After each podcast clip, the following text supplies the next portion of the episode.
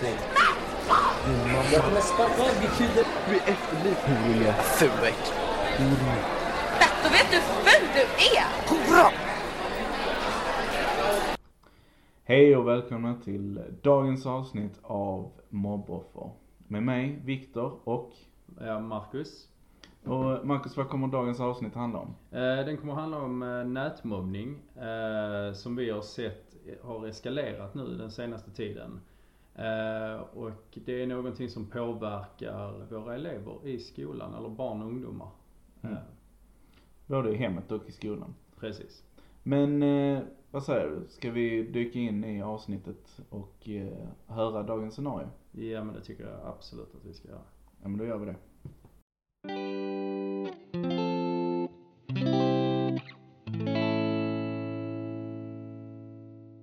Denna berättelse skildrar en dag i Albins liv. Albin är 15 år och går andra terminen i årskurs 9. Det är en morgon i mars och Albin vaknar till samma känsla som han har haft ett tag nu. En känsla som är ett resultat av nätmobbning. Albin, årskurs 9. En ny dag. Solen skiner in i rummet och sticker i mina ögon. Klockan är bara halv sju. Det är nästan en timme innan jag egentligen behöver gå upp. Men jag kan lika gärna sätta mig och titta på TV eller något. Sen några månader tillbaka använder jag inte datorn eller telefonen innan jag ska gå till skolan. Jag orkar bara inte det. Det är alltid något meddelande som jag inte vill läsa. Det började för typ två månader sedan. Vi har en klasschatt på Snap. Den som startade den menade att eh, det kunde vara bra för att hjälpa varandra att hålla koll på läxor, inställa lektioner. Ja, typ allt som kan hända i skolan. Det började ju bra. Sen började folk diskutera andra saker i chatten. Man började skicka bilder på saker som hänt under skoldagen. Om någon lärare gjort något pinsamt eller någon i klassen skämt ut sig. En dag öppnar jag chatten och ser att de lagt en bild på mig i den. Någon har fotat under en lektion. Jag sitter med huvudet lutat mot eh, min hand och stirrar rakt ut i luften. Men i vinkeln som bilden är tagen på ser det ut som att jag stirrar på en tjejs rumpa. Till bilden hade någon skrivit någon creepar under lektionen. Sen började det. De började skicka att jag var ett creep och att jag var äcklig som stirrade på tjejerna i klassen. Jag blev ledsen och efter någon dag utan att de slutade så gick jag faktiskt och snackade med min mentor. Hon tog upp det på nästa mentorstid. Hon sa att om vi ska ha en klasschatt så måste den hållas till det som man bestämt från början. Hon snackade lite om nätmobbning och sen var mentorstiden slut. De som hade skickat de där jobbiga och störiga meddelandena slutade faktiskt att skicka. I klasschatten. De började skicka privatmeddelanden istället. Samma dag som min mentor tagit upp eh, det på mentorstiden så fick jag nästan 40 meddelanden efter skolan. Det ena värre än det andra. De hade skrivit Som bebis du är som går och skvallrar till läraren. Och Sån idiot du är, fattar du inte att man skojar? Sån drama queen, oh my god. Jag vet inte riktigt vad jag ska göra nu. Jag har försökt att blockera dem från att skicka meddelanden till mig. Men jag fick reda på av min bästa kompis i klassen att de som hållit på med mig nu startat en ny snapgrupp. Och där skickar de bara saker om mig. Hela klassen är med i den gruppen, utom jag. Min kompis skickar ibland printscreens av chatten, men jag orkar inte läsa. Det är för jobbigt. Nu för tiden när jag kommer till skolan så känns det som att det alltid är någon som viskar och pekar på en. Ibland går de förbi mig och viskar saker som pervo, creep. Men det jobbigaste är att det tar ju aldrig slut. I skolan gör de det live, men efter skolan så fortsätter det. Även fast jag blockerat de som skickar så hittar alltid meddelanden fram till mig och gör att jag mår skit.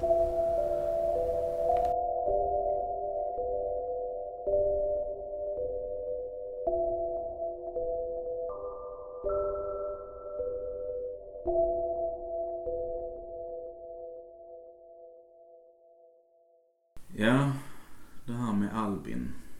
Det är en speciell situation Eh, jag kan ju inte riktigt relatera till det själv tillbaka på min tid när jag gick i skolan.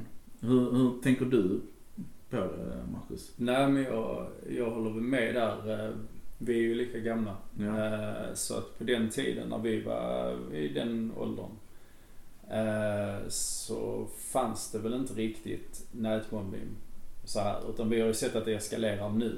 Mm. Så, så jag kan inte heller riktigt relatera till det. Men man lever ju ute genom sina elever. För det är ju något vi ser i skolan. Att det påverkar, eh, påverkar deras mående. Ja. Och en stor orsak till att det har eskalerat måste ju vara att de här eh, sociala medier har ökat extremt mycket mer. Kommer jag på vår tid eh, så var det väl Lunarstorm ja, och så MSN Messenger hade man. Men nu har de ju eh, Snapchat, TikTok, eh, ja, Instagram, eh, Facebook är det väl ingen av de yngre som använder överhuvudtaget. Nej, där är väl vissa som har. Eh, Men då är det ju inte, då är det ju inte detta. Utan Nej. detta sker ju främst på eh, Snapchat och på eh, ja, TikTok kanske inte riktigt så. Utan det är, väl, det är väl mer om vi ska ha en liten liten sidan om-del Mm. eh, kring sociala medier så är ju TikTok även eh, något som påverkar dem negativt. Kanske inte just för nätmobbning. Det är väl mest eh, Snapchat men ehm, ja, det påverkar dem trots Ja. allt. Om vi då går tillbaka då till Snapchat som nämns i berättelsen här från Albin. Det är ju, för er som inte, lyssnare som inte vet vad Snapchat är, så är detta en eh, meddelandetjänst. Man kan skicka privatmeddelande eller gruppmeddelanden till varandra.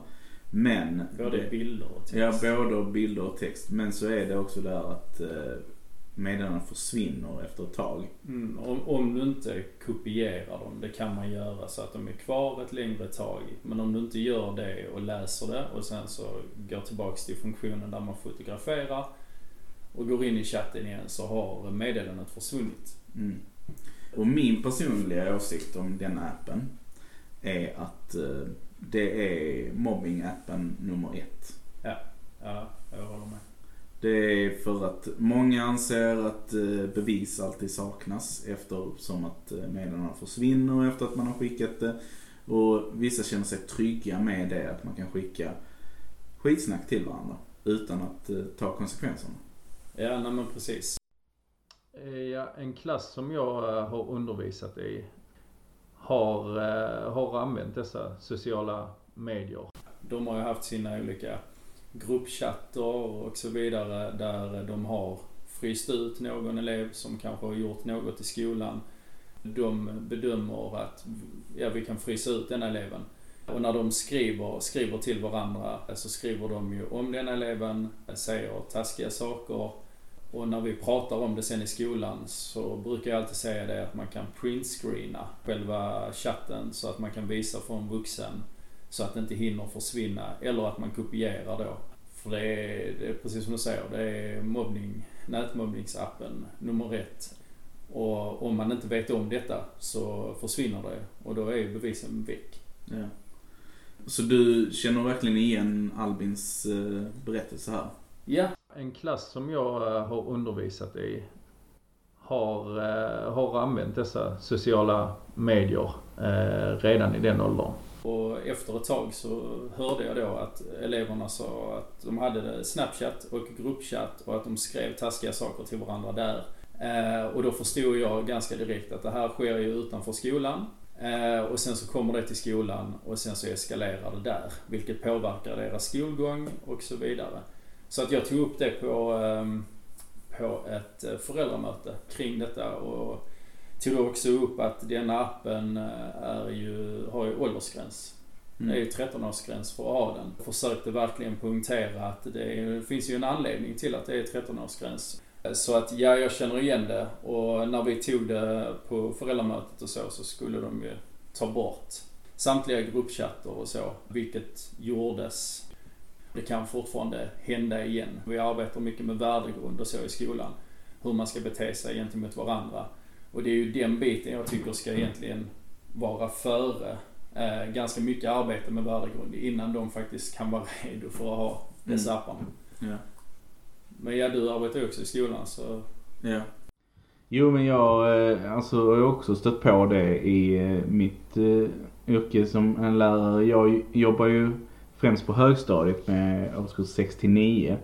Men jag ser ju samma sak hos mig och det kanske kan vara lite mer eskalerat för att de använder ju datorer och internet på ett eh, större och mm, alltså ett annat vis än vad man gör kanske i de yngre åldrarna. Eh, Och sen eh, på vår skola så har vi ju eh, då mobilförbud i de yngre åldrarna men sen på högstadiet så har man förbud under lektionerna. Och eh, det blir svårare att stoppa det på det sättet. Det kan ju vara eh, kanske en anledning till att det kanske märks mer i de äldre åldrarna på en skola än vad det skulle göra i de lägre åldrarna. Mm, ja, det håller jag med om. Alltså, det känns ju i och med att våra elever lever på mellanstadiet och i lågstadiet, men mellanstadiet främst, så får de ju inte ha mobilerna. Nej. Eh, De har ju mobilerna nere under hela skoldagen. Mm. Medan, er, medan era elever använder ju mobilerna Mm. på raster eh, och så. Så att det sker ju även det som är hemifrån kommer ju gärna kanske till skolan och ger sig uttryck kanske i fysisk, fysisk kontakt. Men även då att de kan sitta och skriva under skoltid också. Ja. Det är ju tråkigt och det är eh, någonting som är svårt för oss pedagoger att stoppa. För att eh, vi kan ju inte gå fram och eh, tulla en elev liksom och säga vad har du, har du den där eller så. Utan det, vi måste ju försöka lita på dem och säga har du lämnat in din telefon? Och säger de ja då får vi försöka lita på det. Om de bryter det där och tar fram en telefon och gör grejer och vi ser det då klart agerar vi ju. Men eh, fram till det så vet vi inte riktigt. Nej och det är ju än en gång det här förebyggande arbetet. Mm. Alltså de har ju redan mobilerna på skolan. Eh, De har redan använt det här med Snapchat. Det har skett utanför skolan. Det kommer till skolan. Och på högstadiet då så kan du ut, alltså utöva det här, den här nätmobbningen även på plats när Mm. du är i skolan och skriva saker som har hänt och de sprider rykten väldigt snabbt. Eh, och därför så tänker man ju det här förebyggande arbetet igen att man vill ju gärna kanske få in det här med värdegrund redan innan. Men Mm. nu när de kommer upp då får de använda från Ja. sexan och uppåt. Eh, så får ju de använda mobilerna. Mm. Och då blir det jättesvårt för pedagogerna. Ja. Nu tar vi ju väldigt mycket eh, till hur vi gör det på vår arbetsplats i och med att vi jobbar på samma skola. Det är ju Eh, våra erfarenheter. Det är ju våra erfarenheter. Det kan ju se annorlunda ut på eh, många skolor och så.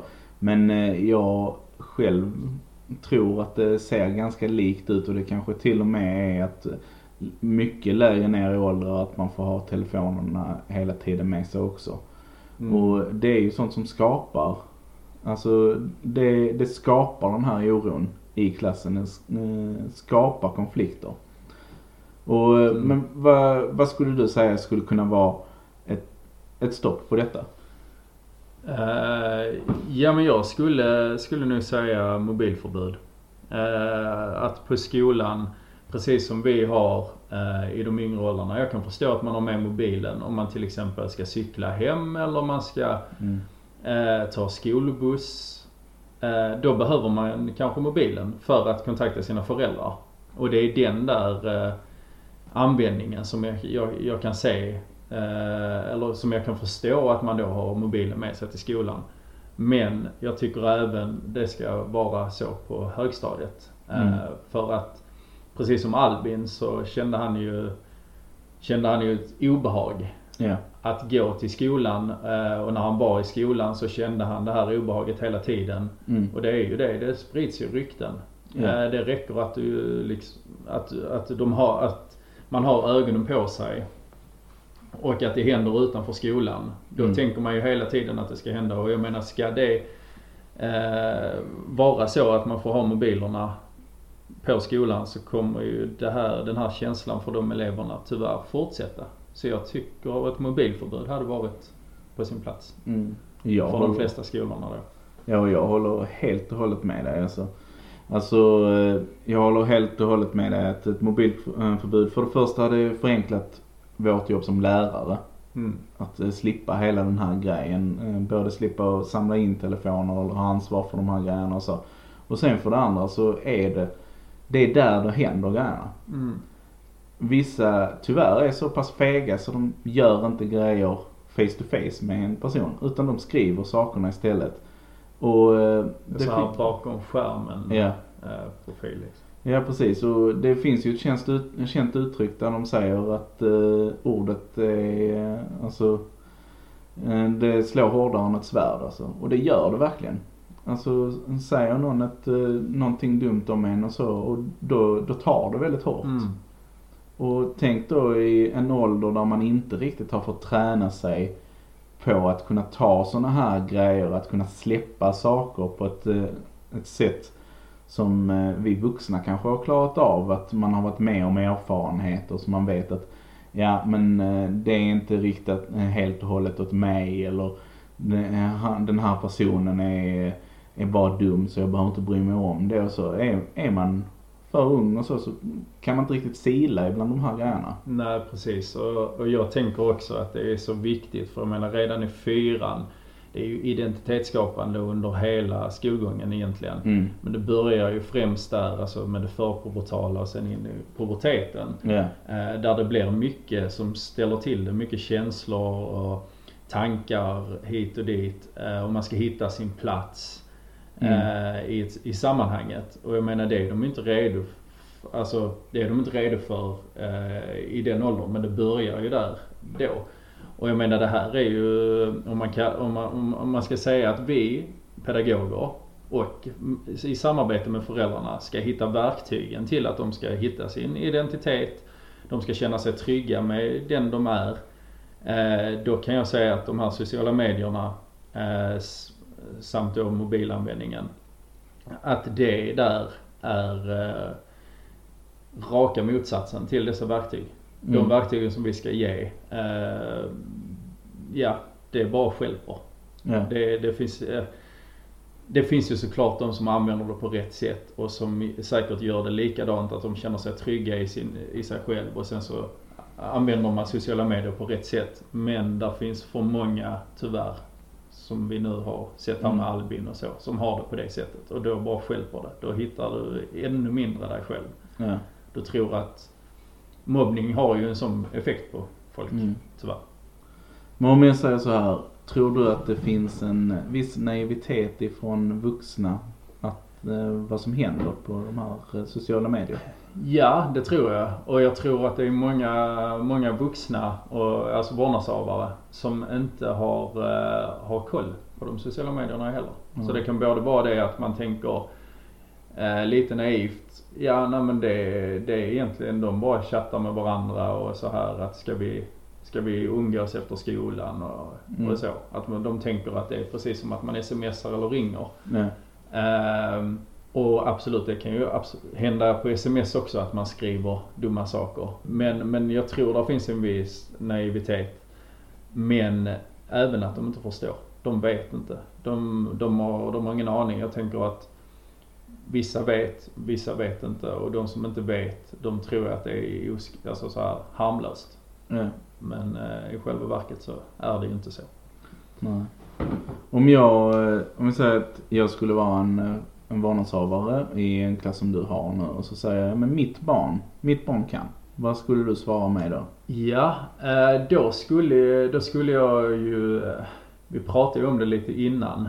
eh, Och det var ju egentligen...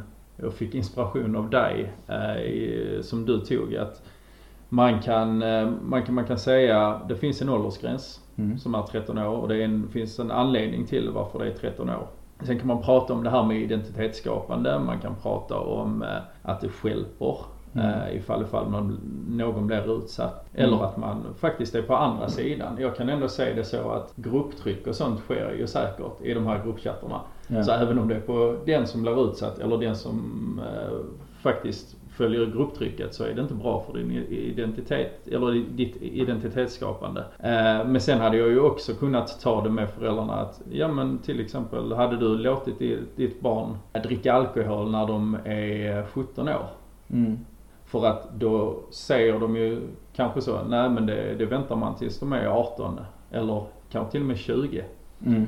För det är enligt dem kanske en allvarligare grej. Ja. Att man inte ska dricka alkohol. Men det här är också liksom en regel, alltså det är en åldersgräns som finns Mm. på grund av. Så att man får dem, man, man byter lite perspektiv, man breddar perspektivet. Ja. Så tror jag jag hade gjort så de hade fått ett, en annan förståelse för att det här är faktiskt allvarliga grejer. Mm. Hur pass allvarliga grejer är det? Är det någonting man kan bli straffad för eller så? Eh, ja, det finns ju en lag, eh, kapitel 5 i brottsbalken, där det klassas som ärekränkning. Ja. Eh, Vad är ärekränkning? Eh, Vet du det eller ska jag, ska jag ta, eh, ta det? ja men jag tänker du kan ju ta det, jag Ja. pratar mycket. Alltså ära, eh, det låter ju som att man pratar väldigt långt tillbaka i tiden där liksom så. Men ärekränkning är att man förnedrar eh, någon eller pratar egentligen skit, sni, skitsnack om någon annan. Precis. Eh, och det är faktiskt ett lagbrott. Mm. Men eh, sen så är det ju så, där är ju lite speciella där eh, och, som gäller mycket de eleverna som vi undervisar då. För att eh, de är under 15. Mm. Vad var det som gällde där? Jo, under 15 är det så att du, du begår dessa då som annars anses som brott över 15 Mm. så kan faktiskt socialtjänsten bli inblandad. För att då, eh, då anses, anses det vara väldigt allvarligt eh, och de som blir utsatta kan ju anmäla det. Och anmäls det och det tas vidare så är det socialtjänsten som gör. Ja. Och eh, menar man då att det bara stannar där hos socialtjänsten? Eller vad, kan det hända någonting mer om man fortsätter att göra och så då? Ja men det är ju klart, går det, går det vidare och att man verkligen mår, alltså, och att det går så långt. Eh, Mm. Så att man ri- hotar, hotar med liksom Till livet? till så. livet ja. Eh, Då skulle du kunna absolut gå vidare. ja. Då är ju, eh, Alltså högre instanser som polisen och så? Ja och då blir det ju kanske en annan sorts ungdomsvård ja. eh, än den som socialtjänsten. Mm. Det vanligaste, kollar vi, har vi kollat upp också då, det vanligaste straffet eh, då med SUS är ju att eh, man blir skadeståndsskyldig. Mm. Och eh, det kan ju vara ganska höga summor som då föräldrar eller vårdnadshavare blir tvungna att betala på grund av att ens barn har gjort den här eh, åverkan på en annan person. Mm, precis. Ja, och jag tänker ju på den här eh, läraren som eh, fick reda på Albins situation. Mm. Eh, och eh, han berättar ju, vi har ju pratat om detta tidigare ju, Ja. att en, stor, en lösning på det här, eh, eller för sig själv, är att man berättar. Ja. Eh, och det gjorde ju Albin, men hon verkar ju, verkar ju ta tag i det, men kanske inte fullt ut. Det kändes som att det lite stannade upp eh, enligt Albins historia. ja. Hur tänker du kring det? Jag tänker ju så att eh, vi har ju bara fått reda på Alvins eh, sida av storyn ju. Och eh, för honom, han har ju inte märkt av någonting i alla fall mer än detta att eh, läraren tog upp det på mentorstiden och sen eh, resultaten för Albin blev att det blev värre. Mm. Men eh, sen vet vi ju inte vad som har hänt bakom kulisserna med läraren. När vi jobbar på skola så har vi ju många handlingsplaner som vi måste följa. Mm. När vi hör sådana här grejer då startar en utredning. Och man försöker att se roten till grejer och så. Men det, det kanske är någonting som pågår här under tiden med Albins lärare och Albins lärare kanske försöker att luska ut grejer och de håller på med en utredning. Mm. Det vet vi inte riktigt om och det kan ju ta lång tid Nej, och kanske. kontaktar vårdnadshavare och så Mm. i och med att det blir värre. Och att han blev, han blev ka- kallad saker. Att, var, Ja. Eller så här, varför, eh, varför har du kallat för Ja, precis. läraren och så. Då har ju, alltså resultatet av det, eller det resultatet är ju För att eh, antagligen lärarna har tagit kontakt med vårdnadshavare. Eh, och att de har pratat där hemma. Ja. Sen så krävs det ju mer där. Mm. Men i detta fallet blir det ju tyvärr att de eleverna tar inte riktigt tillsägningen hemma utan de Ja det kan ju vara så att eh, fortsätter. de, eh, de har fortsatt struntat i vad deras vårdnadshavare har sagt. Mm. De kan ju ha haft ett eh, bra samtal med sina barn hemma och så och eh, berättat och säga ja vi har era, era lärare har ringt och har berättat detta och har hänt och eh, ja allt som möjligt då liksom. Mm. Och de vårdnadshavarna tänker att de har tagit hand om situationen hemma. Mm. Och sen så i och med att Albin kände att det inte hände någonting utan det blev värre. Så verkar det ju inte som att han har gått och sagt till en gång till för han kanske tappade hoppet. Mm, Men jag, jag tänker du som, eh, du som pedagog då. Eh, Hur skulle du göra så att Albin, Albin får reda på att något händer? För det var ju lite så i hans berättelse. Som du sa, Ja. det är hans historia. Eh, men hans historia verkar ju som att det inte har gjorts, det har bara blivit värre. Ja. Och nu pratar vi om att troligtvis så händer ju saker bakom kulisserna. Mm. Eh, hur skulle du eh, arbetat för att Albin skulle förstå? Ja men väldigt bra fråga. Eh, alltså jag hade ju försökt att få in Albin i processen hela tiden på så mycket som han behöver vara med på det också. Men jag hade först och främst när Albin har kommit och berättat det från första början så skulle jag eh, ju försöka klargöra för honom att jag släpper inte detta här nu. Jag går vidare och så kanske berättar jag första steget för sen kan det ju vara så att jag inte riktigt vet exakt steg för steg var jag ska gå någonstans utan då måste jag bolla det med min, min chef då, närmsta rektorn eller kanske med skolans kurator eller någonting där. Men jag vet ju i alla fall första eh, steget som jag vill gå vidare på. Och sen då eh, gå vidare och så kanske då försöka ha uppföljningssamtal med Albin under tiden också. Mm, exakt. Eh, skulle man kunna säga att eh, upplysa Mm. hade varit eh, ett stort ord här. Alltså vi har pratat om, pratat om kommunikation och att man ska berätta. Mm. Att den är jätteviktig. Men upplysa är ju också ett stort begrepp i det hela. Ja. För att jag tänker upplysa Albin i detta fallet så att han förstår hela processen. Eh, men även upplysa vårdnadshavare Mm. hemma kring de som inte vet vad Snapchat går ut på och vad det är för app och kanske är lite naiva. Ja. Att man upplyser, men även upplyser eleverna. Mm. Det är ju ett återkommande begrepp i eh, alla tre led. Eh, Och ett eh, annat steg för mig hade ju också varit att jag skulle försöka hitta något sätt som jag kan ge Albin stöd. mm, Eh, det kan ju vara antingen att Albin känner att eh, jag visar att han kan få en trygghet att komma till mig och prata fritt. Mm. Eller att hänvisa till skolans kurator om det är så att Albin tycker det blir för nära relation till mig. Eller alla de andra instanserna som vi pratade om i förra avsnittet. ja. Eh, och att verkligen visa att det här finns som hjälp till dig. Du behöver inte känna det här stoppet. Men också en grej som vi inte vet om i avsnittet är har mentorn kontaktat Albins föräldrar?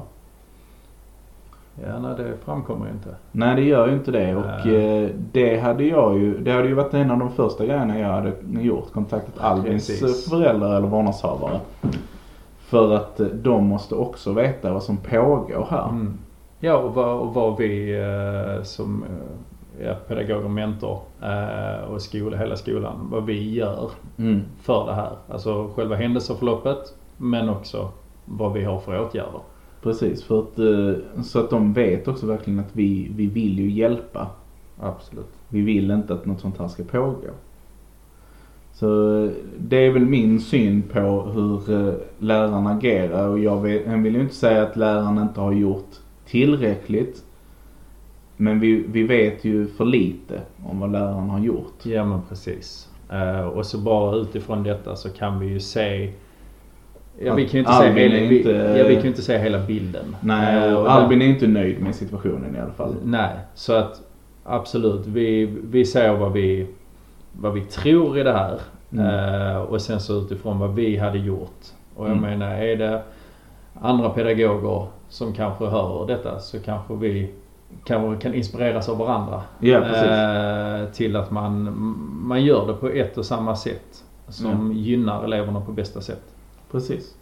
Ja, men om vi tar och sammanfattar lite av vad vi har snackat om nu idag då. För att knyta ihop säcken lite. Ehm, då har vi ju det här. Nätmobbning. Väldigt enkelt att göra. Vi har eh, många ingångar till det. Många, mycket sociala medier och där finns mycket plus och minus med sociala medier men i detta fallet så är det ju verkligen mycket minus. Mm, ja, verkligen.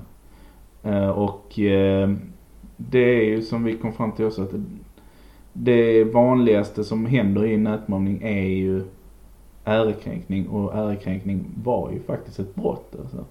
Mm. Och är man över 15 år så är, är det ju brottsligt alltså. Då har man ju begått ett brott. Precis. Under 15 år, då, det är ju fortfarande samma handling man har begått. Men eh, det går inte till polisen utan det går då till socialen. Mm. Och då får ens eh, vårdnadshavare ta stöten istället. Ja men precis. Eh, och jag tänker ju att vi Vi har ju varit inne och, varit inne och pratat om vissa åtgärder och så. Det finns ju eh, kring det här. Alltså så Mm. att det här faktiskt kan bli synligt. För Snapchat var ju en eh, en app där de då tror att det är dolt. Ja. Eh, Men om någon skriver så att du kan läsa så kan du alltid ta en printscreen. Mm. Och, eh, och det finns ju en rädsla kring det. eh, För att det ser eh, de som skriver. Ja. Att det tas en skärmdump eller printscreen Mm. eh, på det. Och det är därför kanske inte många gör det. Men det är ju där vi vuxna får gå in. Mm. Och få dem faktiskt till att göra det för att bevisen krävs. För att, ja det är ju klart, kommer de och berättar att det har hänt och de inte har bevis så tar vi det såklart på allvar. Men det är ju betydligt lättare om vi har ett bevis. Så det är ju en åtgärd till att man kan kopiera eller skärmdump. Mm. Eh, och skulle man då göra det och sen så hade vi ju även den här åtgärden att mobilförbud på skolor. Ja, Kanske hade underlättat, eh, underlättat för elever som blir utsatta. Alltså att de behöver inte tänka att det ska ske på båda ställena. Sen är det ju hemskt att det händer och det är ju utanför. Men då Mm. får ju vi pedagoger trycka på att vi ser det här. ehm, vi eh, förväntar oss ert ansvar hemma. Ja. För det är ju så, det går inte att lägga över allt det ansvaret på skolan. Nej. Skolan har ju egentligen det pedagogiska ansvaret och det pedagogiska ansvaret rymmer inte helt och hållet det här. Alltså saker som händer på fritiden. Det är svårt att ta hand om det. Sen Mm. så eh, får vi ta i det när det går ut, utöver det som händer i skolan. Mm. Och eh, det gör vi ju på det sättet som vi kan och på det sättet så att vi ska försöka hjälpa eleverna. Mm. Men eh, desto mer tid som går åt detta desto mindre tid har vi att göra de grejerna som egentligen är vårt uppdrag som lärare.